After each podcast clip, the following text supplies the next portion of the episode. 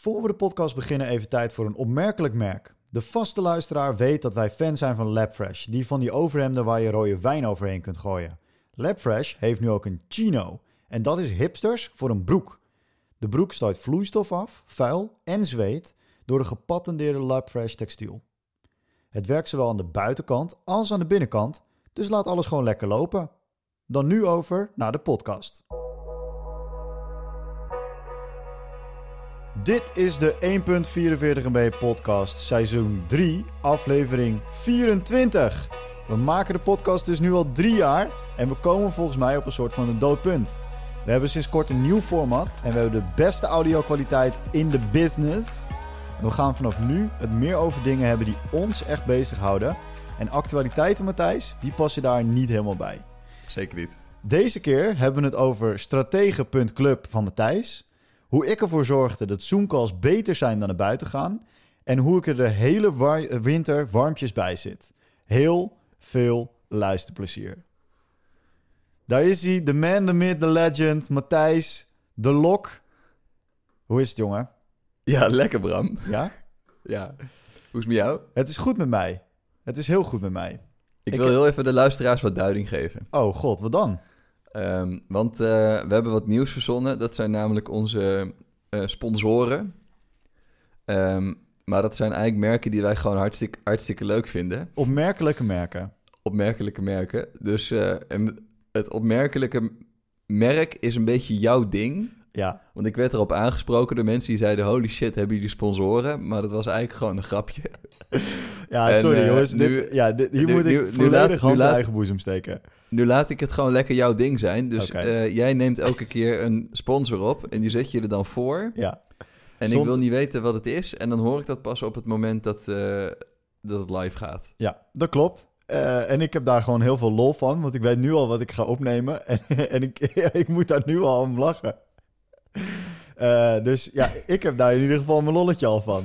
Nou, dat is, dat is belangrijk. Dit moeten we ook doen om, eh, om het leuk te houden. Ja, want we kregen eigenlijk we kregen even twee opmerkingen aan de, vanaf de laatste podcast. Eén, jullie waren niet actueel, hè, werd er gezegd. Omdat wij eh, iets op eh, dinsdag hadden opgenomen wat we op vrijdag uitzonden. Het, die, de tijd gaat zo snel. Maar dat wil eh, ik dat wel even bij gezegd hebben dat we het Ja. hadden over Link Co. Waar de rest van de podcastwereld, including podcast over media, pas een week later mee kwam. Maar eh, toen dachten we, ja, dat is misschien wel goed. We moeten, we moeten even wat meer terug naar onszelf. Dingen die ons bezighouden, die wij doen, waar mensen wat van kunnen leren, inspireren. En wat minder naar ja, actualiteiten kijken. En Ja. een van de opmerkingen was, ja, jullie mogen wel wat meer grapjes maken. Want als ik zo met jullie aan tafel zit, wij zaten namelijk aan tafel met iemand, anderhalve meter afstand in een eh, restaurant waar minder dan 30 mensen waren. Voor mij voor het eerst in een half jaar. En eh, die zei, ja, je mag eigenlijk wel even wat meer grapjes maken, want in het echt zijn jullie zo grappig met z'n tweeën. Nou, vond ik een mooi, eh, mooi compliment. En toen dacht ik, dit gaan we gelijk overnemen naar de podcast. Ja, zeker. Dus we hebben het nu over onderwerpen die ons heel erg interesseren. En als Ja. ik naar het onderwerpenlijstje kijk, dan gaat het eigenlijk alleen maar over ons. Ja, ik- daarom is de titel ook genoeg over ons. wat vind jij van ons? Ja, nou, Eh, mooi. Maar, nee, maar is er, zitten wel leuke, er zitten wel leuke onderwerpen Ja, bij. tuurlijk. Leer, leerzame dingen vooral. Oké, hey, even beginnen. Ik lag eh, zondagochtend in mijn bed. Ja. Ik was best vroeg wakker, maar jij was eerder wakker.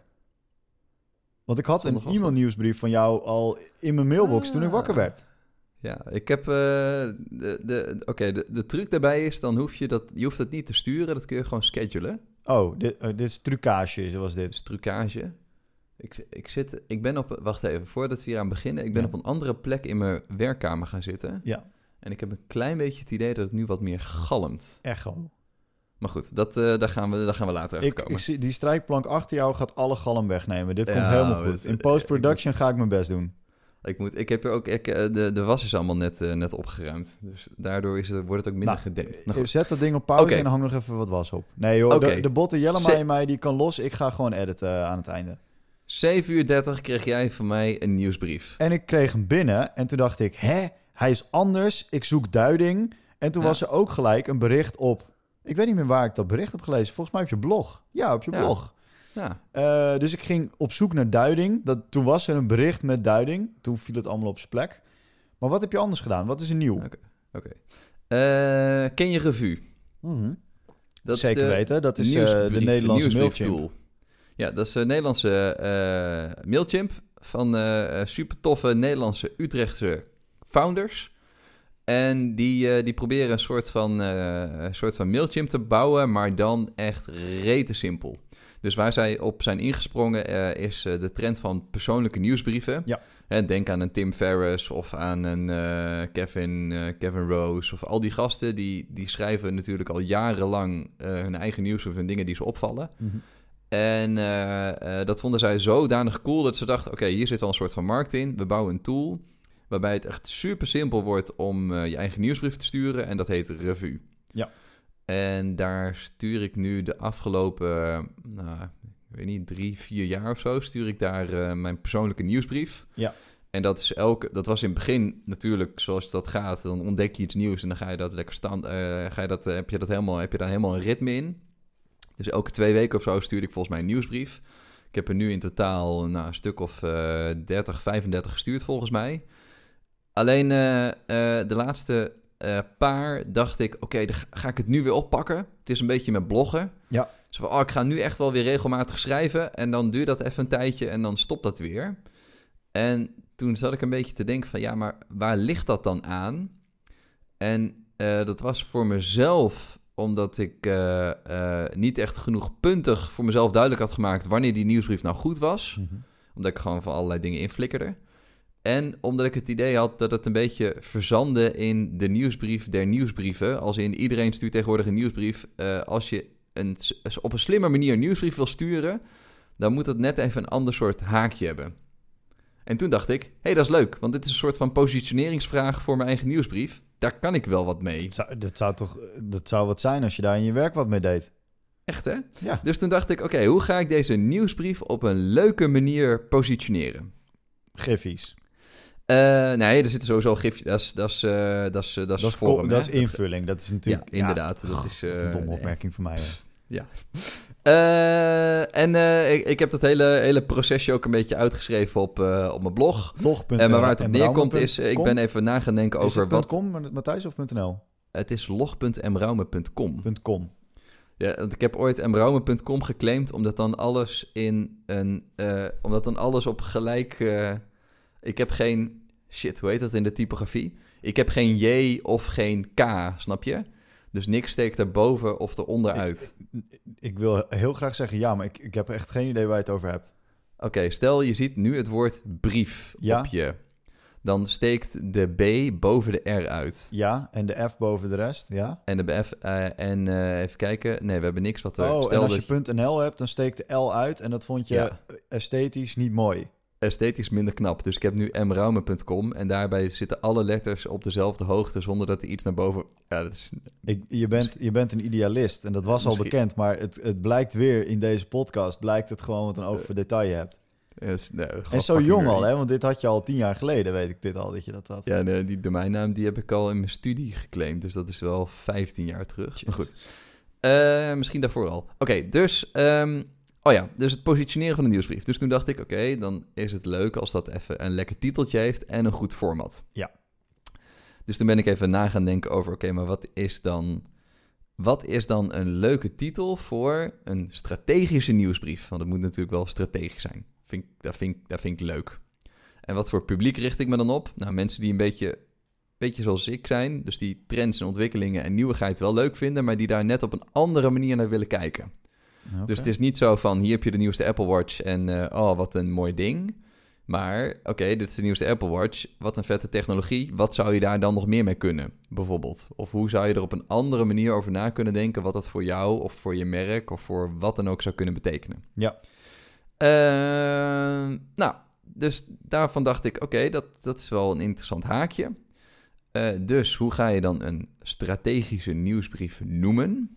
Nou, kijken. nu komt hij. eh, Dames en heren, had- luisteraars. Nou, nee, ik had, daar, Oh. ik had daar een soort van lijstje van gemaakt. Dus Oh, ik heb God. al mijn overdenkingen en overpijzingen heb ik, eh, uitgeschreven. Blijf nog even Eerst- hangen. De cliffhanger eerst- wordt uitgesteld. Eerst dacht ik eh stratege brein, maar dat vond ik dan een beetje raar. Of strategy mindset, maar dat vind ik heel erg niet Matthijs. Of strategisch breinvoer, dat vond ik dan wel weer boeiend. Die vind ik ook wel Matthijs. Eh, die vind ik ook wel Matthijs. Of in het hoofd van een strateeg, maar dat is ook een beetje ja, dat klinkt allemaal een beetje alsof ik dan heel cool ben. Maar ik heb ervan gemaakt, denk als een strateeg. Ja. Omdat je eh, die eigenlijk wel op verschillende manieren kan benaderen. Maar ik heb ook nog de onderregel. Komt-ie. Strategisch breinvoer om slimmer naar trends en ontwikkelingen te leren kijken. Voorzien van duiding die je aan het denken zet. Ik- Is dat mooi? Ja, ik, ik, moest er even, ik moest even over nadenken, want eh, hij zette mij aan het denken. Mooi. Motherfucker. Eh, dus, eh, oké, dus eh, eh, ehm, eh, mijn, i- mijn insteek is zorgen dat ik dingen publiceer die ik, dan, die ik dan zelf heel leuk vind en waar ik andere mensen mee aan het denken wil zetten. Ja. En een belangrijke reden van een nieuwsbrief is enerzijds, ik vind het gewoon leuk om te publiceren. Dus daarom blog ik al lang, maak ik video's en dat soort dingen. Vind ik gewoon tof. En daar ook het feit dat we nu een podcast opnemen is gewoon omdat ik het leuk vind om eh, dingen te maken en te publiceren. En wat ik heel erg merk is dat op het moment dat ik een nieuwsbrief schrijf en maak over de onderwerpen die ik boeiend vind, ga ik nog langer en dieper over die onderwerpen nadenken, waardoor ze beter in mijn eigen hoofd blijven hangen Mhm. en dat ik het beter begrijp, want alles wat je probeert uit te leggen, dat begrijp je zelf beter, omdat je er dieper over nadenkt. Ja. Dus op die manier heeft die eh, nieuwsbrief eh, best wel wat, wat haakjes die gewoon super boeiend zijn, vind ik. Dus voor mezelf en voor ontwikkeling en meer van dat soort dingen. Mhm. Nou, eh, dus dat. En Denk hoe- als een strateeg. Hoe zijn de reacties? Eh, ja, best wel goed. Er zijn eh, nou, een stuk of zes, zeven mensen die erop hebben gereageerd. Op een abonneebestand van nu 70 mensen. 10%, niet gek. Of 60, ik weet het eigenlijk niet eens. Niet zoveel. 11%. Maar niet goed, ik, ik hoef niet per se heel veel abonnees. Dat zegt iedereen altijd. Ik vind het gewoon leuk om te publiceren. Ja.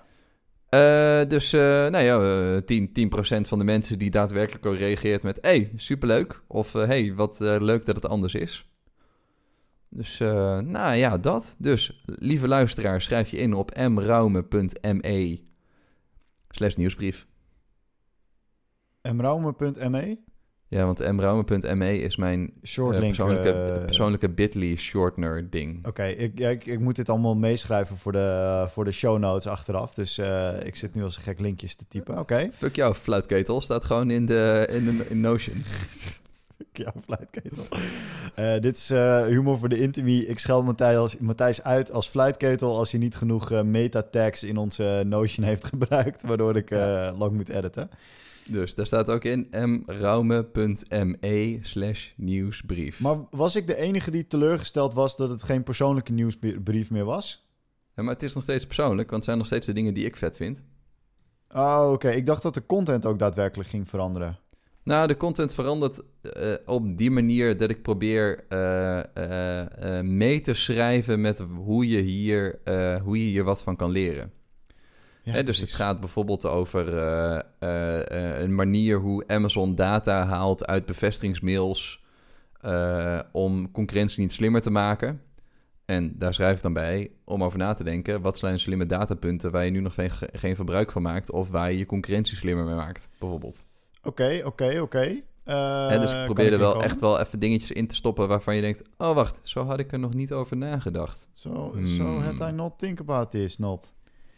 Ja, Eh, Oké, nee, ik was namelijk eh, licht, eh, licht teleurgesteld dat ik, dat ik mijn persoonlijke nieuwsbrief van Matthijs miste. Want ik, ik vind dat die persoonlijke nieuwsbrieven dus wel altijd heel erg tof.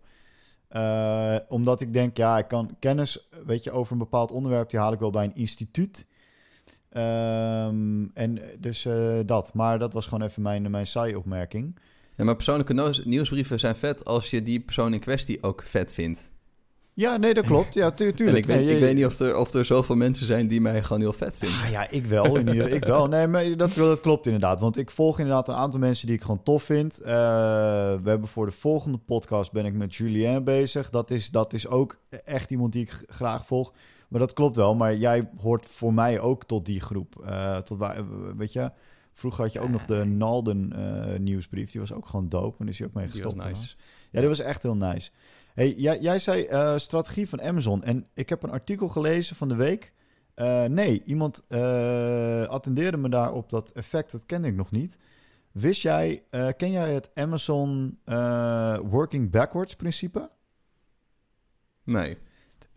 Ik ga het niet te lang maken, ik zal het artikeltje gewoon even posten. Wat zij doen is voor ieder project wat ze starten, maken ze aan het begin het persbericht.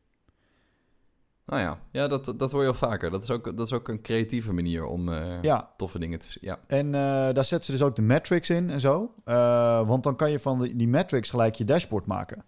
Ja. En dat vond ik Ja. heel slim. En ik vond een artikeltje van Justin Bariso, die dat even kort uitlegt en linkjes overal naartoe geeft.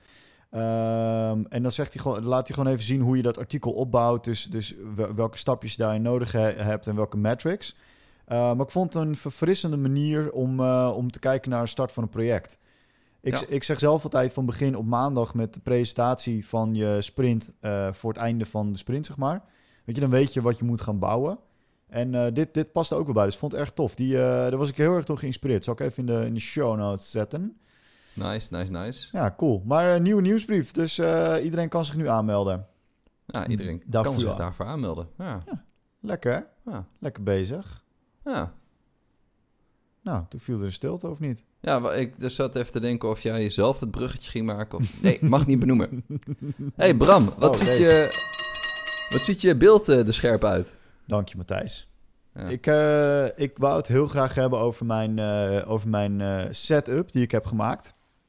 Een tijdje geleden, toen werd ik door Lucas, maar dat is echt al maanden geleden, begin COVID zeg maar, werd ik gewezen op een artikel eh, waarin een eh, guy, ik ben zijn naam natuurlijk wel helemaal vergeten, maar die had echt een hele, hele, hele vette setup. Jij hebt hem ook gezien, hè? Ja, ja, ja, Eh, ja, die- dat is een of andere super consultant die eh, al zijn hele leven vanuit huis de rijkste mensen beïnvloedt en coacht. Ja, het is een legit vorm van It's Your Boyd. Boyd Hoek. Ja. Dus, dus die geeft coaching sessies. En het is dus erg belangrijk dat hij eh, volledig vrij kan zijn in zijn gesprekken. Dus dat hij whiteboards erbij kan pakken. Dat hij ja, met zijn armen kan bewegen. Dat hij zich niet, dat hij niet tangled is, hè, zeg maar. Dus, dus vast zit in kabels en zo. Ja. En die had echt een hele vette setup waarbij hij achter zijn bureau zit. En dan heeft hij een afstandsbediening. En dan is hij gewoon ingezoomd. Dus je ziet eigenlijk gewoon portrait... eh, sorry, je ziet eigenlijk gewoon... ehm, hoe noem je dat? Paspartout, hè? Noem je dat eh, als iemand zo in beeld is. Zie je hem ingezoomd, zijn hoofd en een klein stukje buste. Eh, en hij laat dan zien in dat artikel dat als hij uitzoomt... dan zie je dat de camera, die staat echt misschien wel 10 meter van hem vandaan. Ja. Eh, met een gigantisch groot eh, tv-scherm. Dus die camera is heel goed, waardoor hij achter het bureau kan zitten en een soort van zoom-in-zoom beeld heeft. En hij kan diezelfde camera kan hem tracen. Nou, en een hele dikke setup. Hij heeft ook een box, die heb ik opgezocht. Die kost iets van 14.000 euro. En die zorgt er dan voor dat je één box in de ruimte kan hebben. Waardoor je een mic, eh, geen, geen eh, wired mic hoeft te hebben. En de eh, boxen daar niet mee interferen, zeg maar. Wat een hoop Engelse kutwoorden, zeg. Maar Ja. daar was ik door geïnspireerd. Want ik merkte dat ik iedere keer als ik een Zoom-call had... dat ik, dat ik moest gaan... Ja, dan moest ik me- mijn camera weer aanzetten. En nou, het was gewoon gehussel. Je herkent dat wel, volgens mij, of niet? Ja, ja, ja. Nou, de, de, de, de- de- wat hij wat die dude omschreef, om nog heel even aan... Ja. Hij zocht naar een soort van manier om eigenlijk op een 100% gelijke manier... als wanneer iemand met jou in de ruimte zou zitten, zeg maar... Ja. om op die manier gesprekken te kunnen voeren. Dus of hij nou op de bank ging zitten in zijn kantoor... of achter zijn bureau of bij een Whiteboard, stond... Het moest voelen alsof je bij hem in de ruimte zat... omdat hij ook niet belemmerd werd door techniek of wat dan ook. Juist. Toen zag ik dat. Toen dacht ik, dat wil ik ook. En nog voordat ik een stap naar mijn eh, kantoor zette... had ik bedacht dat ik dit low budget moest doen. Want anders dan weet ik het. Dan zit ik een, een, een ding van 20.000 euro te bestellen. Die hele set van hem bij elkaar is 25.000 euro of zo. Eh, Dat, dat wil je portemonnee niet aandoen. Nee, en, en dat was. Ik, ik, ik heb later pas ontdekt wat voor mij de toegevoegde waarde was. En dat zal ik nu gelijk daar naartoe huppen. Eh, ik heb ooit een videootje gezien van Casey Neistat. Een tour door zijn. eh, wat, ja, wat is dat? Studio wat hij heeft. Een soort van Ja. werkruimte. En die, hij heeft een ehm, stop-motion setup. Waarbij een camera boven hem hangt. Hij kan tekenen en dan kan hij dat automatisch opnemen. En ik zag een eh, tour door de studio van eh, Lou van Unbox Theory. En Ja. Lou van Unbox Theory die zei... alles wat ik hier heb gedaan is erop gemaakt... dat ik met één knop kan opnemen. En hij had echt super mooi geluid, super gaaf beeld... verlichting was goed. En dat hadden ze zo gemaakt dat hij met één knop... boom, kon hij een opname doen. En toen dacht ik, dat is voor mij de crux. Ik wil, ik wil er goed uitzien eh, qua beeld, want ik word niet knapper dan ik ben. Maar ik wil dat mijn audio goed is, want ik merk gewoon dat mensen die slechte audio hebben... of die moeten gaan zoeken naar koptelefoontjes of dingetjes die op zijn... eh, die, eh, die staan achter. Weet je, in een gesprek wat, wat ik heb met mensen... merk ik dat ze achter staan... omdat, omdat dat niet in orde is. Dus toen dacht ik, oké, daarvoor moet ik zorgen dat ik, dat ik dat helemaal goed geregeld heb. En dat ik dat met één knop kan opnemen. En eh, ik ben dus nu uiteindelijk gekomen op een setup waarbij ik eh, een eh, mirrorless, dus, noem je dat, systeemcamera. Dus dat is eigenlijk de nieuwe versie van spiegelreflexen. Heb ik de Sony A7 Mark III, die had ik al, die ligt hier gewoon in huis. Gebruikt ik normaal voor buiten filmen, maar er is geen buiten. Die heb ik gekoppeld aan een Elgato 4K. Dat is een HDMI naar USB videokaart, externe videokaart. En ik Ja. heb mijn podcastmicrofoon en de Rodecaster Pro, die heb ik aan elkaar gekoppeld. Eén setup. Daar heb ik een eh, oude koptelefoon, wel noise cancelling, met draadje. Dus die werkt niet op Bluetooth, dus geen lag en dat soort dingen. Eh, en daardoor heb ik een setup dat op het moment... Oh, en daar heb ik nog één ding. Ik ben naar zolder gegaan en ik heb mijn oude iMac gepakt. Want ik dacht, ik moet zorgen dat ik in één keer... Het moet in één keer kunnen starten. En mijn probleem met mijn laptop is altijd als ik hem dan uit het stekkertje trek... dan moet hij of nieuw opstarten of een update doen of wat dan ook. En het feit dat ik, dat ik hem mee moet nemen... zorgt ervoor dat het niet, dat het niet chill is. Ehm, dus nu heb ik een oude iMac, camera, eh, microfoon... allemaal troep die ik al had... En op het moment dat ik ga zitten, kan ik gewoon beginnen met opnemen. En dat heeft echt voor gezorgd dat die Zoom calls bij mij veel relaxter zijn. Ja, het is niet, eh, oh shit, ik moet even een kabeltje zoeken. Nee. Oh wacht, staat mijn camera wel aan? En, eh, Nee, eh, maar het is nog veel meer, omdat het zo vertrouwd is. Ik was bijvoorbeeld beneden, waar ik heb beneden mijn kantoor en ik zit nu boven op ons, nou noem het even hobbykamer, zeg maar. En beneden had ik nog wel eens dat daar gebeuren dingen, daar zit ik voor open ramen en zo. En dan, dan moest ik soms gaan zoeken hoe ik mijn camera moest draaien. En dan was ik afhankelijk van die MacBook-camera, die toch net niet, ja, die is eigenlijk gewoon niet scherp en die is niet mooi, zeg maar. Dus dat ik soms, was ik een hele gele vaas of zo, zat er over me heen. En dit, hier kan ik gewoon 100% op vertrouwen. Ehm, sterker nog, ik heb nu, ik laat jou nu zien, maar ik kan gewoon aan mijn camera lens draaien. En dan kan ik de focus kan ik aanpassen. Ja. Eh, gewoon oldschool. Dus ik kan gewoon focussen wanneer ik wil. Dus zelfs als ik denk van ik wil even erg, ergens over nadenken tijdens een eh, presentatie, dan haal ik de focus even weg. En dan zien mensen me nog steeds. Jij ziet mij nu nog steeds. Maar je kan niet zien wat ik, wat ik doe, zeg maar, met mijn gezicht. Ehm, en de grap is dat eh, mensen dan zeggen van... oh, je beeld eh, is, is wazig. Waardoor ik even een moment heb om na te denken. Maar het is niet zo hard als je camera uitzetten. Wat ik, ja, wat- ja, ja, waarvan ik. Want dan weet ik dat mensen op hun telefoon gaan zitten kijken. Ja.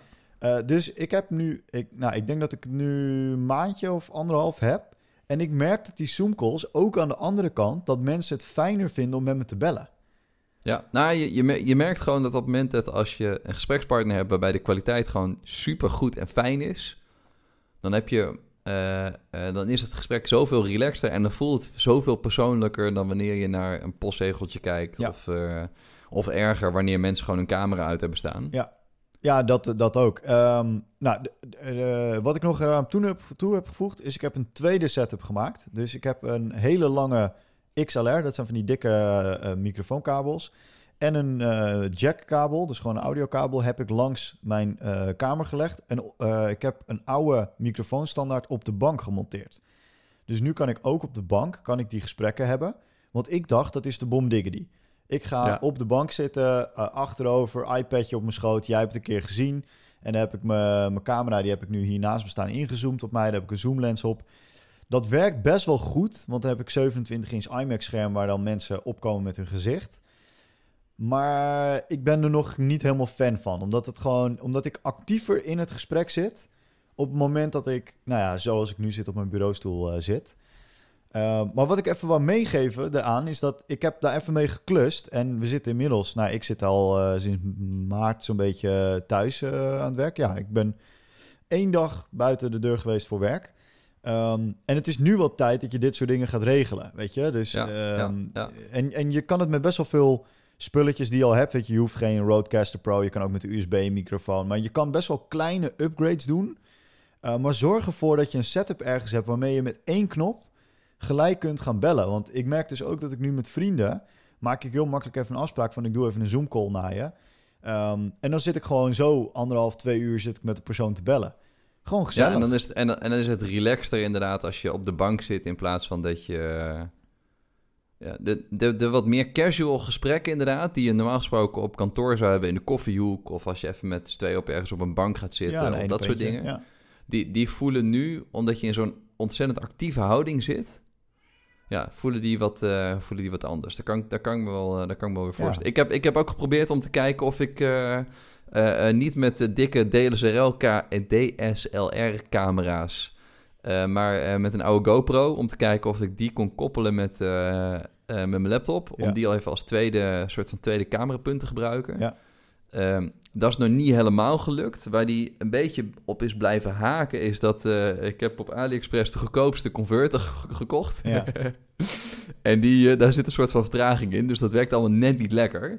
Maar het hele idee dat je een soort van twee camerapunten hebt die je best wel makkelijk kan wisselen binnen eh, Microsoft Teams of binnen Zoom of wat dan ook. Ja. Dat geeft ook al best wel een lekker gevoel. Ja, het enige nadeel vind ik wel met die breedbeeld, eh, met die groothoeklens die jij hebt, is dat je niet eh, in controle bent over het frame. Je, je legt zoveel vast dat je, dat, je, dat je niet kan bepalen wat mensen wel of niet zien. Ah, maar die kan je ook gewoon op narrow zetten hoor. Maar, maar ik, na- snap- ik narrow snap wat is je nog steeds. Ik, ik heb hier links van mij, dat, dat ziet nu niemand, maar ik heb daar nu wat doosjes staan, zeg maar. Eh, maar het shot wat jij ziet is een gestileerd shot. En je ziet hier mijn helm hangen en een paar modelauto's. Wat laat zien dat ik een autofan ben. Dus dat is een conversation piece.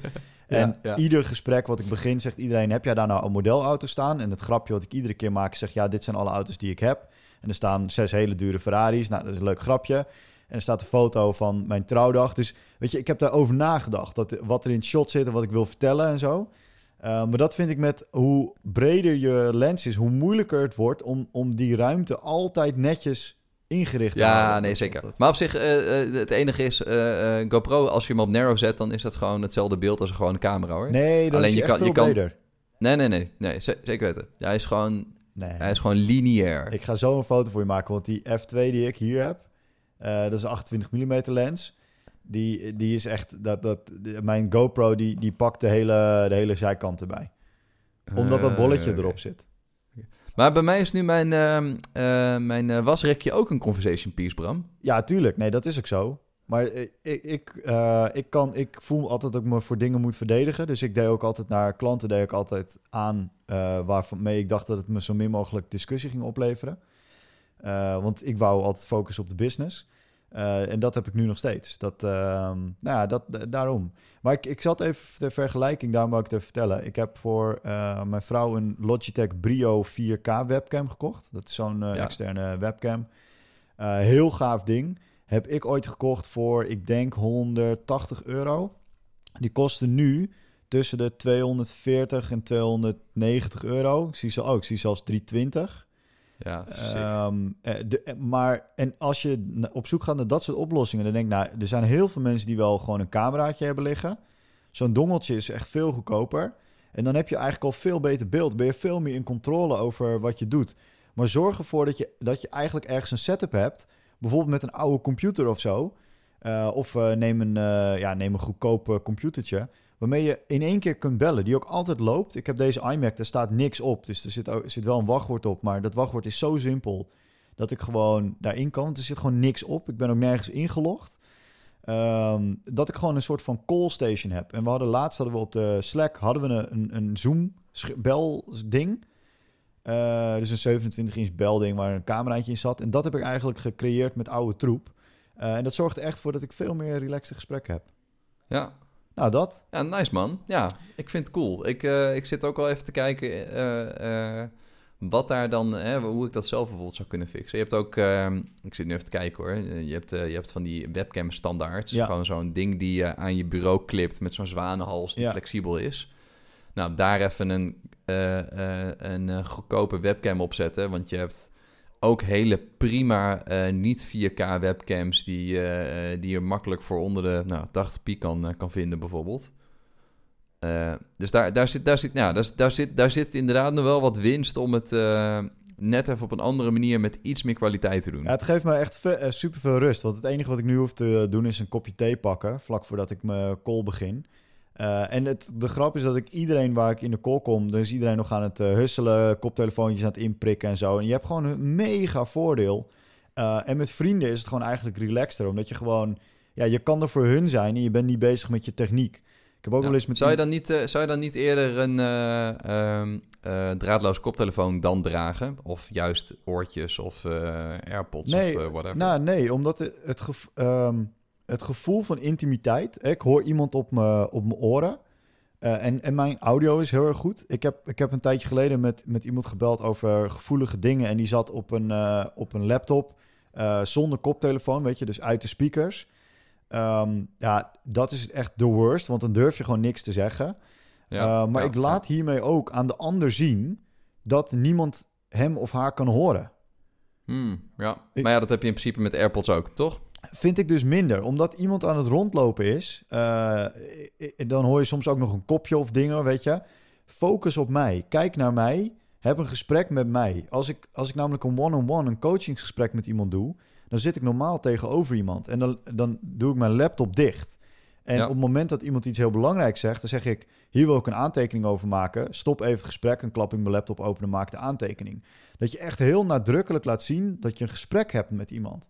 Ja. Ehm, en dat heb ik hiermee ook. Dat, omdat ik hier nu zit, ik kijk naar de camera, ik heb de koptelefoon op, ik ben bezig met het gesprek en niet met de techniek eromheen. Omdat Ja. ik op die iMac, ik ben dus ook met opzet niet ingelogd op mijn browser. Want anders ga ik eh, mijn feedbin zitten lezen of eh, dat soort dingen. Eh, Ja. We hebben allemaal van die meetings. De grap is dus ook dat mijn meetings nu ineens veel korter zijn, omdat ik alleen maar met die meeting bezig ben. En als een malle door die agenda heen ga. Dus eh, nou ja, dat. Maar we moeten dit onderwerp nu echt eh, afsluiten, want anders gaan mensen afhaken. ik denk, ik heb jullie mijn strategie gedeeld om te bellen. Matthijs, wat heb jij met strategie gedaan?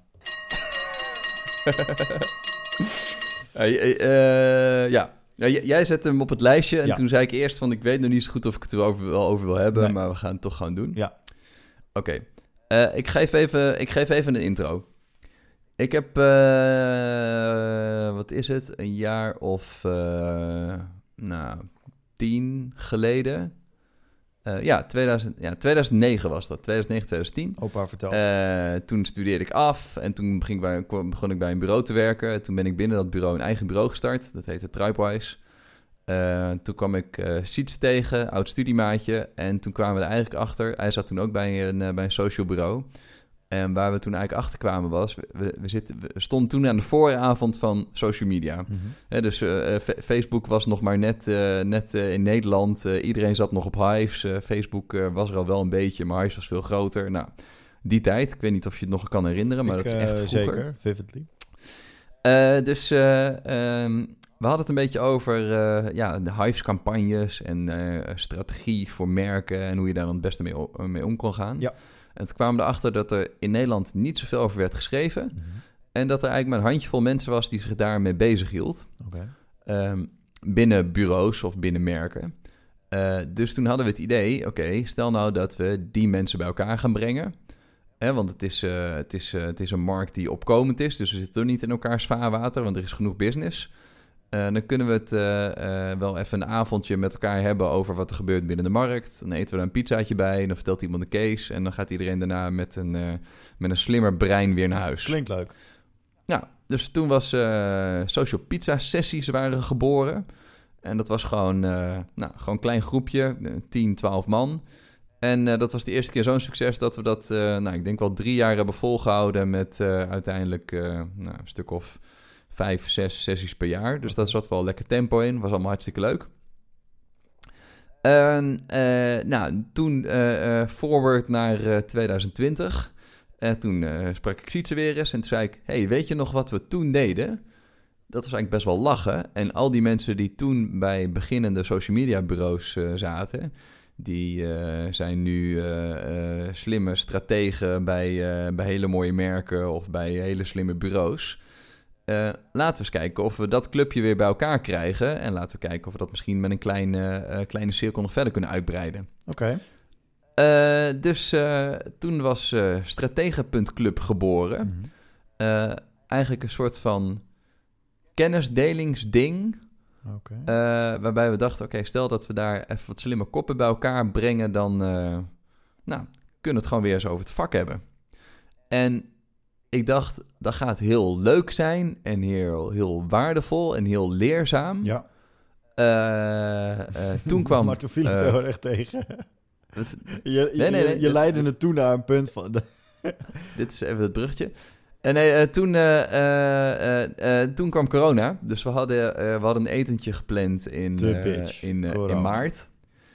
Letterlijk volgens mij op eh, 14 maart. Dus toen, waren, toen was alle horeca nog open. Maar toen, was, toen zei iedereen, nou, het wordt misschien wel wat slimmer om thuis te werken. Ja, Toen hebben we de call gemaakt, nog voordat de maatregelen echt, eh, echt werden, werden aangekondigd van... oké, we gaan niet nu met, eh, met 14 man in een, in een restaurant zitten... want dat, nou, dat voelt gewoon niet goed. nee. Dus dat hadden we uitgesteld tot, tot september. Toen hadden we voor september een nieuw restaurant gereserveerd. Toen dachten we, we gaan nu niet met 14 man in een restaurant zitten. Want één, eh, je gaat niet eh, kunnen uitleggen dat je met z'n 14 uit een, hetzelfde huishouden komt. En twee, het is echt, eh, je bent echt een motherfucking idiot als je met 14 man in een restaurant afspreekt. Als je gewoon zegt dat je uit Staphorst komt, gelooft iedereen dat. Ja, en dat het een kerkelijke bijeenkomst is. ja, dat kan je er nog bij zeggen, inderdaad. Dat is actualiteit. Mag. Dus, dus toen dachten we, oké, daar moeten we even een ander, ander, ander idee voor, voor bedenken. Ja. Dus toen hebben we dat bij Kaliber op kantoor gedaan. Daar werkt Sietse. Dus toen hebben we daar, eh, hebben we daar eh, onze strategenclub gehost. En toen, ik had de hoop dat het allemaal leerzaam, leuk en fantastisch zou zijn. Ja, Maar het is zo te gek om met mensen die hetzelfde doen, maar dan op een andere plek gewoon een hele avond lang met drankjes en eten inhoudelijk gesprekken te voeren. ja, Ja, het, het heeft, het heeft al mijn verwachtingen overtroffen. dat is heel mooi. Ja, dus... eh, en wat doen eh, jullie? Want, want ik heb nu eh, van alles gehoord over de restaurants waar je niet heen ging. Maar wat, wat, was, wat wou je doen met deze lieve mensen? Oh, de- met deze lieve mensen. Nou, de, in de eerste instantie dacht ik... oké, dit zou een soort van kick-off kunnen zijn... Voor, eh, voor meer van dit soort sessies. Dus het idee was, oké, laten we bij elkaar komen... laten we hapje eten en is het gezellig. Ja, Eh, dat, eh, ja, dan, eh, als je dan twaalf mensen uitnodigt... en je zit aan een leuke tafel... dan spreek je hopelijk de leukste vier mensen die om je heen zitten. ja. Eh, maar ja, dan heb je niet iedereen gesproken... en dan is het hele idee van het ja, soort van netwerkachtig effect... is er nog niet helemaal. Thijs, wat willen jullie nou doen met elkaar? Eh, dus eh, ik, heb een, eh, ik heb een speeddate format gemaakt. Kijk, en dat was best een klus, want hoe ga je ervoor zorgen dat twaalf mensen elkaar allemaal spreken? ja, dus ik heb een hele Excel in elkaar, in elkaar gehackt, eh, waarbij iedereen elkaar acht minuten sprak. oké. Eh, en ik had eh, allemaal ijsbrekers eh, op, op de sheet gezet. Dus stel dat je even niet weet waar je het over moest hebben, dan, nou, dan kon je daar even naar kijken. Ja, dus Nou, als je natuurlijk- rouleerde en je kwam tegenover iemand te zitten die je bijvoorbeeld al kende, dan stond er een icebreaker zeg maar op het scherm. Ja, nou, de, wat ik merkte was, omdat het helft netwerk Sietse was, helft netwerk Matthijs, is het of, hé, hey, wat leuk, wie ben je en waar werk je? Of het is, hé hey man, lang niet gezien, hoe gaat het ermee? ja, oké, ja, ja, ja. Dus nou ja, dat, Ik vond het... weet je, als, ja, als je het gewoon op een informele manier lekker met z'n allen over het vak kan praten, dat is gewoon, dat is gewoon lachen. ik vond... Ik, En ik had een beetje hetzelfde gevoel. Sorry, dan Ja, ik ga nee, zo meteen ja, oké, uitpraten. Ik had een beetje hetzelfde gevoel als wat we toen bij Social Pizza hadden. ja, Eh, gewoon, het is gewoon lekker. Kijk, als je elkaar... Concurrenten zie je wel eens. Of, eh, of mede vakgenoten. Op het moment dat je een pitchruimte uitloopt... en je ziet per ongeluk het andere bureau. terwijl je je, je Of- middelvinger opsteekt naar ze. Ja, of op het moment dat je eh, bij een conferentie bent... en eh, je kent diegene toevallig. Of het is, hé, hey, wat leuk, jullie werken toch bij bureau X, Y of Z. Ja. Alleen op, in zo'n setting waar je eigenlijk wel met elkaar moet praten... Ja, Nou, ik weet niet. Het levert, het levert er gewoon echt hele leuke gesprekken op. vet. Ja, Ja. Ik, eh, nu ga ik een zin maken, oké? Ja, dan ga ik top. je nu laten uitpraten. Ik, eh, want ik, je hebt er heel, nu heel veel over gezegd. Eh, maar de kern ervan, vond, die, die ik er vond waarom ik het graag wilde dat je het vertelde, was je hebt iets gedaan buiten werk, maar je, je verbetert daar wel mee wel je positie in je vak. Hè? Dus je bent wel met iets professioneels bezig. Dat vond ik heel erg tof.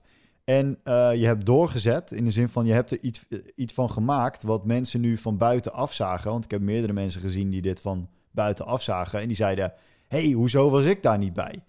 Ehm, terwijl jouw intentie was, ik wil gewoon mensen bij elkaar brengen. En, en net zoals Social Pizza, nou, het liefst zou je willen dat het een soort van uh, per ongeluk gebeurde.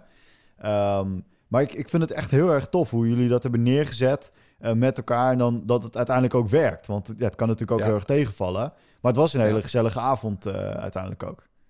Ja, de, de grap is wel, ehm, de reden waarom dit vaak tot stand komt en waarom het daadwerkelijk gebeurt, Ja, eh, is één, omdat ik een doorzetter ben, omdat ik het dan ook gefixt wil hebben. dat kun je zien En in twee is nieuwsbrief omdat, die jullie omdat, ik het, ontvangen. omdat ik het... Wat zei je? Dat kun je zien Wat? in die nieuwsbrief die jullie allemaal ontvangen. Nee, maar het, twee, nu, nu komt even de zelfspot. Eh, twee is omdat ik keihard onderschat hoeveel werk zoiets kost. Ja, het was echt... je hebt er serieus echt veel werk aan gehad, hè? Het is, eh, ik dacht van nou, we, we eh, mailen en bellen gewoon even een paar mensen en dan prikken we een datum en dan bellen we een cateraar en die, die, die maken we wat centjes over en dan, dan heb je het wel. Ja.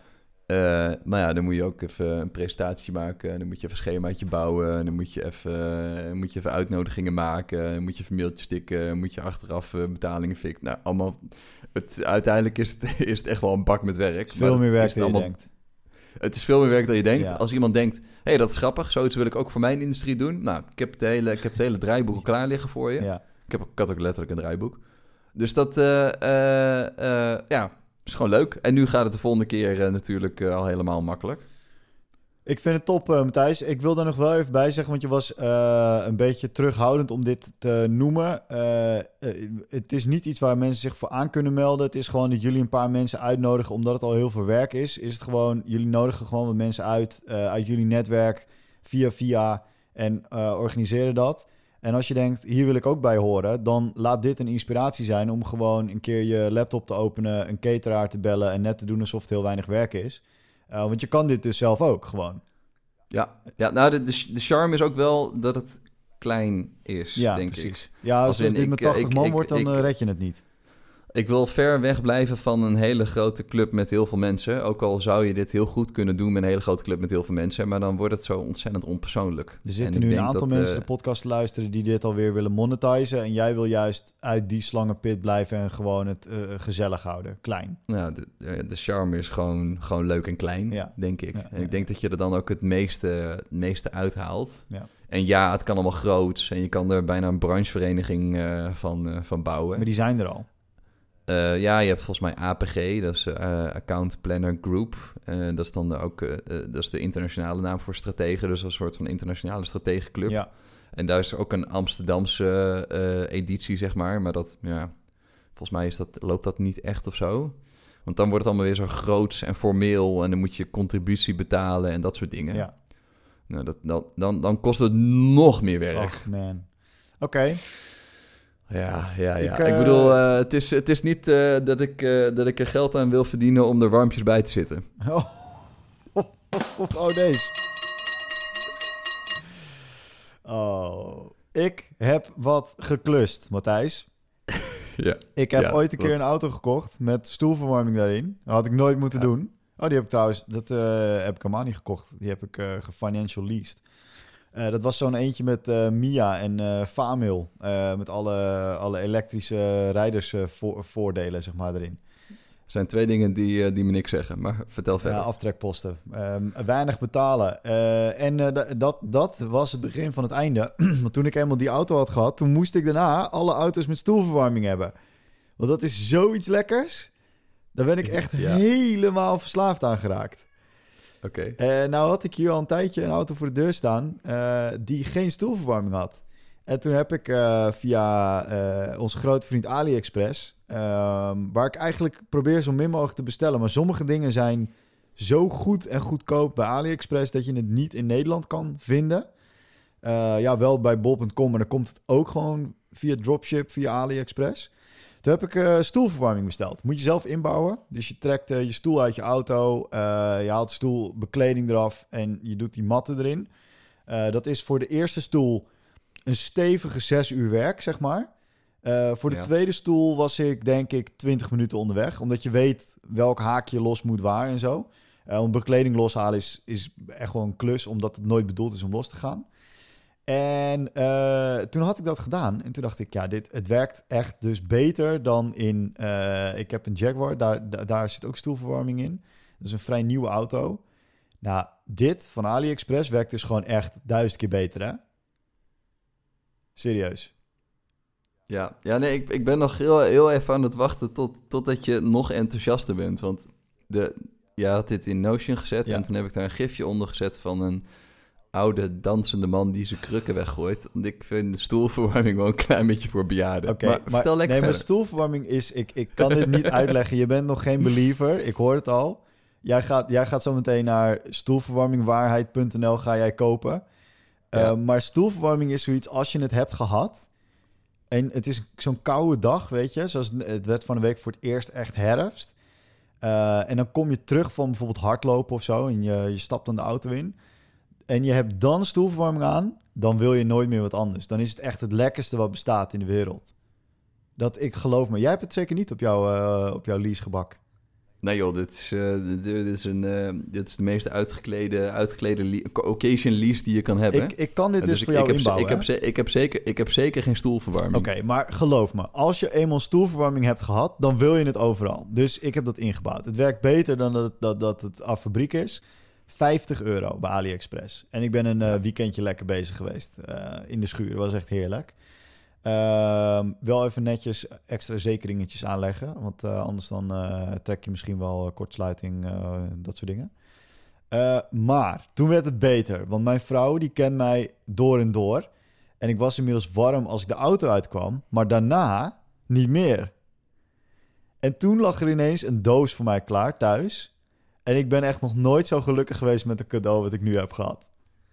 Wat heb je gekregen, Bram? Ik heb een stoof gekregen. Met een V aan het einde. En stoof is een kussen waar stoelverwarming in zit. Kussenverwarming in zit. Met een kleine accupack. Eh, en op die accupack kan die, geloof ik... Ja, ik zeg uit mijn hoofd iets van 10 uur of zo... maar echt veel te lang kan dat ding gewoon blijven, blijven draaien. Nou, de st- stoofwarmtekussen. Warmtekussen.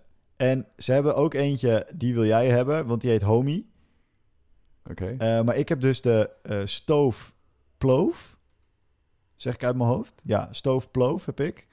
Ja. Eh, en dat is dus een warmtekussen. Die zet je gewoon op de bank. Er zit een knopje op de zijkant. Er zit echt een heel vet, mooi rood label aan. Gewoon heel designy. En die zet je dan aan. En dan wordt dat kussen dus warm. Wow, je hebt ook een soort van warmtedeken, de Big Hug. Ja, eh, precies. En die kan je dus buiten op je stoel doen. Dan denk ik, ja, ga gewoon lekker binnen zitten. Maar Ja. dit is het moment. Ik heb thuis eh, vloerverwarming. En dat is in deze periode, als het net niet koud is, dan heb ik hem gewoon uitstaan. Dan denk ik, ja, weet je hoe, ik, heb drie dubbel glas hier. Dat is allemaal verplicht, allemaal A plus en zo. Dus dan ga ik de verwarming niet aanzetten, maar dan is het net, net chilly. Dus doe je even lekkere dikke sokken aan en een goede hoodie. Maar dit kussen zorgt er dan voor dat je, dat je lekker warm op die bank zit, jongen. Oh man, ja, ik zit hier gewoon dus te genieten. En er zit zo'n eh, zo'n MagSafe ladertje bij. Dus dat, eh, dat die magnetisch zo eraan klikt. Weet je, van je, van je oude MacBook eh, had je ja, ja, vroeger. ja, ja, ja, ja. En dus die heb ik gewoon nu. Ik heb zo'n, zo'n ik weet niet van welk merk het is, maar het zijn van die stekkerdozen, van die plastic boxen waar je die stekkers netjes in hebt, dan zie je ze niet. En dan trek ik één keer per week eventjes dat stekkertje eruit. En dan klikt hij er zo magnetisch aan. En dan is mijn kussentje gewoon helemaal opgeladen. Oké, Bram, ik ben een klein beetje om, want ik zit nu even naar de Homie te kijken. En dat is een elektrische infrarood warmtekruik. Ja. Maar Ik, weet nog, ik weet nog dat wij vroeger thuis hadden wij ook kruiken. ja, En dan was het, eh, oké, eh, die kan je vullen. ja, dan moet je dan even de waterkoker aanzetten. En dan doe je kokend water doe je in je kruik. ja, En dan moet je een klein beetje lucht eruit laten lopen eerst. En dan draai je de dop erop. ja. Want als je die, eh, dat was dan in het nieuws geweest, als je dan eh, het lucht er niet voldoende uit liet lopen, ja bouwt de druk op. en dan kan het zijn dat er druk op komt Ja. en dat dus die kruik ontploft Ja. met dat kokende water wat je erin zit. Ja. Dus ik zat daar als klein kind met dat kruikje, als ik ziek was, zo een beetje te bibberen, zo vasthoudend met het idee van, oh wacht even, misschien kan dit ding ook nog wel eens een keertje ontploffen. tussen, mijn, tussen mijn benen. ja, dus dan is een, dus dan is een elektrische infrarood warmtekruik. Ja. Oké, ik ga Maar ik de ga grap niet waarom ik deze twee dus tegelijk vertel... is dat de techniek van die... Het is dus carbon fiber met infrarood. Eh, dus het zijn geen... eh, want vroeger heb ik wel eens een, een, eh, een, zo'n warmtedeken. Hoe heet dat? Hoe noem je dat? Een elektrisch dekbed of zo? Ja, ja, dat had ja. mijn oma, dat heb ik wel eens gezien. En da daar liepen dus gewoon letterlijk van die, van die draden doorheen. Eigenlijk zoals een broodrooster is. Gewoon levensgevaarlijk. Dat kan gewoon in de fik vliegen. Eh, maar dit is dus carbon fiber met infrarood. En dat is dezelfde techniek als die ik in die auto's heb gebouwd. Eh, daarom vond ik het leuk, omdat ik die techniek ook heb gezien. Ik heb het inmiddels even opgezocht. Op de warmste stand gaat hij 6 uur mee. Nee, sorry. Op de koudste, warmste stand gaat hij 2,5 uur mee. En op de koudste stand gaat hij 6 uur mee. Dat is echt bullshit. Want ik heb hem denk ik al 20 uur op de koudste stand gehad. Die warmste stand, dat hou je niet vol. Dat hou je Hmm. waarschijnlijk alleen vol als je in IJsland woont. Die koudste stand is echt zo chill. Die is al echt heerlijk warm. Ehm, het is echt het is een aanrader. Ze zijn wel Het prijzen. is, eh, het is, eh, ja, ze zijn best wel duur. 90 Het is, wel ne- het, is een, het is een Nederlands product. Het is een Nederlands mooi. product. Eh, maar ik heb eh, de kussens die ik nu van mijn bank heb afgehaald. Die liggen hier achter mij. En die zijn van gewoon met drie O's of zo. Ook zo Ja. Die zien er echt exact hetzelfde uit. En die kussens zijn volgens mij ook niet eh, heel goedkoop. Dat zijn ook van die te eh, hippe kussens. Oh god, kan ik natuurlijk nu weer vinden. Hè? Maar eh, gewoon, ja, hier, here we go. Even kijken. 62,50 kostte die. Oh, dus je, kan, je had beter een tientje erbij kunnen leggen en een warmtekussen ja, twee tientjes. Maar dat klopt. Ja, maar die heb ik al, deze kussens die heb ik al echt tien jaar. En die gaan nu een tweede leven leiden op onze logeerbank. Waar ik dus nu mijn Zoom setup heb. Eh, maar echt, dit is, als je iemand een cadeau wil geven. Ik denk bijvoorbeeld voor moeders of zo. Ja, ik denk dat je instant gewoon de beste zoon award krijgt. Mooi. Ik, eh, ik, vind, het- ik vind het een mooi product. Wat ik, waar- waar- ik vind ze wel een beetje boef hoor. Want ik zit op die website te kijken en dan denk ik... Oh, leuk, het is allemaal lekker Nederlands en zo. Ja. En dan hebben ze op de Over Ons pagina... Ja. hebben ze helemaal onderin een klein regeltje. En daar staat mede mogelijk gemaakt door het Europese Fonds voor Regionale Ontwikkeling. Ja. Dan denk ik, nou goed dat je dat opzet. Zal waarschijnlijk een verplichting zijn geweest. Ja.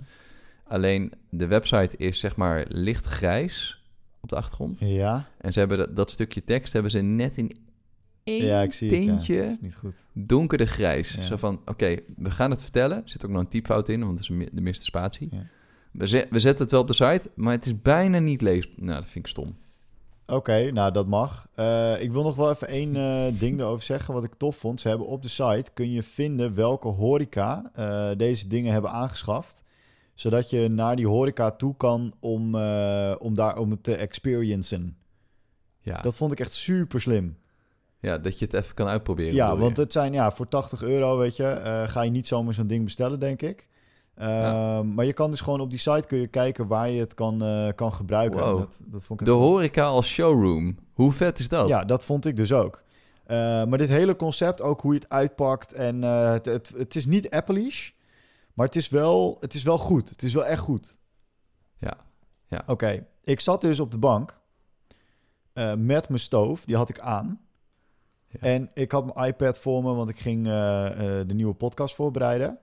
Toen keek ik op een goed moment naar de tv.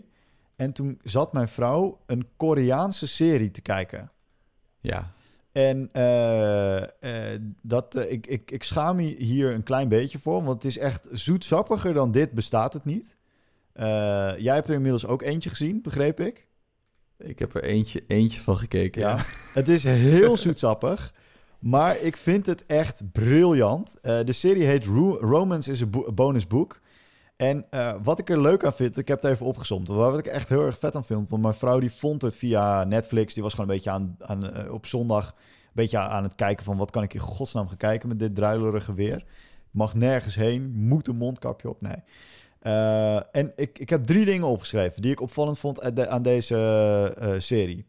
Eén, personages hebben soms een eigen camerastijl. Dus er zit een soort van hele hippe, eh, nou, een hele hyper jongen zit erin. En dan komt het camerabeeld, zoomt in en uit en gaat van links naar rechts, schuin en niet schuin, weet je, in en uit zoomen. Een beetje manga-stijl. Eh, wat ook in manga-comics wordt dat getekend, zeg maar. Ja, ja, En ja. dat is alleen bij hem. En zo hebben ze dus verschillende camerastijlen bij verschillende personages. Ja. En dat had ik nog nooit gezien, maar daardoor eh, zie je heel mooi de verschillende verhaallijntjes die, eh, die in het verhaal lopen. Eh, dat vond ik echt heel erg vet.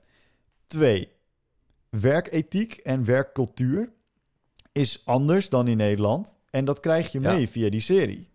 Ja. Eh, dus met eh, als er een Alles draait om werk, toch? Nee, nee, nee. nee. Nou, de- deze serie de draait om een. Het gaat om een uitgeverij. En die mensen werken allemaal bij een uitgeverij. Dus het gaat heel veel over de uitgeverij en over boeken. Het gaat ook over Romans, is een bo- een bonusboek.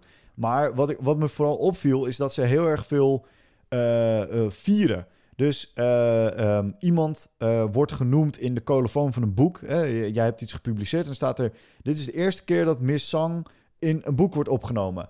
Dan staat Ja. iedereen op en iedereen gaat klappen. Waarvan ik dacht, zo, dit is overdreven. Maar dat is een soort van ritueeltje. En dat doen ze bij alles. En op een gegeven moment word je er een beetje oké bij, weet je. Of denk je, oké, dit hoort er gewoon bij. Toen dacht ik, dat is eigenlijk best wel vet. Dat je, Ja. dat je wat meer ja, de kleine wins aanstipt met elkaar. Ja. Eh, bijvoorbeeld, Ja, vet, ja, vet. ja, vond ik echt heel vet. Ook als ze bijvoorbeeld een, Ja. een, een, een boek opnieuw bestellen. Dus eh, dan is er een, een druk, zeg maar, uit. En dan gaan ze een nieuwe druk doen. Dan staat de baas op en die zegt... jongens, we gaan een nieuwe druk doen. En dan zegt iedereen... "Pff, ja, dat is ons werk, dat is mooi. Klappen, en dan gaan ze zo met kleine handjes klappen, weet je. Dus geen, geen grote klap. Ja. Eh, en nu wil ik dus ook een bordje met directeur Bram Hilgesom op mijn bureau. Want dat hebben ze daar ook. Dat vond ik heel mooi. De- dat vond ik heel vet. Dat je iets meekrijgt van een andere cultuur. Drie. Ja. Mode, eten en leven is anders, maar komt ook weer overeen. Dus ze gaan bijvoorbeeld op een gegeven moment ergens naar een Subway. Eh, dat, dat past ook helemaal niet in die serie. Want alles is heel mooi en stylish. Een beetje, het is een beetje een morf van Aziatisch en Scandinavisch. eh, qua design en zo. Dus heel minimalistisch. Iedereen is, iedereen is vet goed gekleed. En ze rijden allemaal in een Volvo. Oh. Maar ik denk dat dat een beetje een Ja, sponsor de- is. maar het past wel weer. Want ze hebben dan die... Ja, de, ja. de hoofdpersoon rijdt in een witte Volvo... die altijd helemaal schoon is, zeg maar. En de personages die worden afgeschilderd als beginners... die worden altijd in de bus gezet. Maar ze hebben... De bus is dan ook een vieze bus. Ja, Dus ja, het is, ja, er is echt... Oh man, er is zo goed over nagedacht... dat ik dacht, nou, dit, dit zie je in een Nederlandse serie niet. Dat het, dat het zo next level is uitgekiend. Eh, maar ook de huisinrichting en zo... en de, de kleding die ze aan hebben... het is echt, echt heel erg vet. Dus ik dacht, ik moet dit even laten, laten weten... want ik weet nog dat ik vroeger keken wij eh, wel eens op, eh, op Nederland 1, 2 of 3... van die Scandinavische series, weet je, toen ik jong was. En waarschijnlijk kocht de, de Nederlandse omroepen kochten dat in... Ja, omdat het lekker makkelijk was om met Scandinavië deals te doen... en goedkoper was dan met Amerika of zo. Ehm, maar nu met Netflix heb ik Casa de Papel gekeken. Eh, dat is Spaans. En ik heb dit gekeken in het Koreaans. En ik heb echt het gevoel dat ik in een soort van... Ja, dat ik, dat ik meer zie dan alleen maar die Amerikaanse eh, shit. Ja, ja, ja, ja. Die vaak veel te duur en over de top en explosies en, eh, en dat soort dingen. En dit is gewoon... Ja, het is, het is bijna kneuterig, dit. Dus je gaat meer Koreaanse series kijken. Nou, eh, ik zit Ja. wel even te denken, want bij de Oscars was natuurlijk ook... Was het ook een Koreaanse film? Ja, ja, ja die, is, die is ook goed trouwens, die film. Ja, ja, Oh, hoe heet die ook alweer? Dus daar, daar, daar, zit, daar, zit gewoon, daar zit gewoon heel veel talent ook. Ja, Als in, eh, eh, eh, dat, dat klinkt heel stom. Als in, daar zit gewoon heel veel talent. Natuurlijk zit er talent, want overal zit er talent. Maar het is vet Parasite. dat de grenzen wat meer open gaan om meer... ja, om toch even wat meer andere... of het feit dat Netflix dit ook hier distribueert, zo bedoel ik hem. ja. En ondertiteld en dat soort dingen, dat is gewoon, dat is gewoon Ja, het maakt het gewoon toegankelijker. Want normaal had ik dit Ja. nooit, eh, nooit gezien natuurlijk. Als ik gewoon, eh, pff, ja, eh, weet ik veel, Nederland 1 ga zitten kijken of zo, komt het waarschijnlijk niet voorbij, denk ik, aanname. Maar inderdaad, Parasite is die film. Die, als je die nu niet Ja. gezien hebt, is echt een aanrader. Is echt, ook omdat het qua soort film wel weer echt anders is dan bijvoorbeeld een echte Hollywood film. Ja. En ook daar, in Parasite ook, is ook design is, van dat huis is echt briljant. Eh, heel modern, heel gaaf gedaan. En de personages die een beetje de... ehm, waarvan je denkt tijdens het verhaal dat ze de bad guys zijn... die zitten in vieze plekken. Dus er wordt Ja, veel meer ja. met eh, decor gespeeld en zo... dan, eh, dan, dat, er, dan dat ik ken in, in, in- ja, in westerse films en zo. Ja. Dus... eh, nou, vet man. wat ik wel- Mo- mooie, mooie aanrader. Ja, eh, iedereen in ieder geval even één aflevering kijken. ik heb het ook gedaan en daarna bleef ik niet meer plakken. Oh, ik, eh, ik heb hem helemaal uitgekeken, het hele seizoen. ja. Ja. Dus dat. Het enige wat ik wel, waar, waar ik nu echt behoefte aan heb, ik weet nog dat ik ooit begon in het vak van media. En toen werd ons beloofd dat er videoplayers zouden komen waarop je kon klikken op items en dat je dat dan kon kopen. Eh, weet je, dus videoplayers met flash waren dat Ja, toen. Dan kon je ja, op, ja. eh, weet ik veel, dan klikte je op de Philips scheerapparaat en dan kon je die kopen. En dat is nu, nou ja, 15, 20 jaar later bestaat dat nog steeds niet.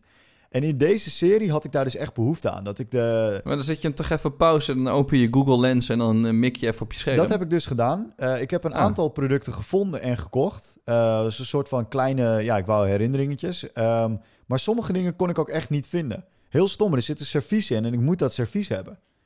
Ja, dat servies is vet, ja, hè? Dat, ja, zie je, Ja, jij toch goed. Ja, ik ben toch Ja. blij dat je gekeken hebt. Ja, ik wil dat gewoon hebben. Ik kan het niet vinden. En dan is de, de taalgrens natuurlijk moeilijk. Ik kan de. Want ze hebben op een gegeven moment gaan ze naar een warenhuis. Dus heb ik dat warenhuis opgezocht. Serieus met Google Lens. En toen dacht ik, nou, bij dat warenhuis verkopen ze wel soortgelijke serviezen. Eh, maar ik kom die site gewoon niet door, omdat Google Translate ook niet door die site komt, zeg maar. Ja, ja, ja. ja, Dus ja. eh, ja, dat. Eh, maar ik ben echt, echt... Ik zat daar dus gewoon als een opa op mijn bank... met mijn verwarmde kussen zoetsappige series te kijken. Dus nou ja, dat, dit is gewoon even mijn hip-hop confessions. Ja, nou, mooi. Je zoetsappige Koreaanse serie. Precies. Romance is een bonusboek. Op die eh bombshell, Matthijs, wil ik de podcast voor deze keer afsluiten. Met dank aan het opmerkelijke merk. En ik spreek jou over twee weken. Tot later, babe. Later.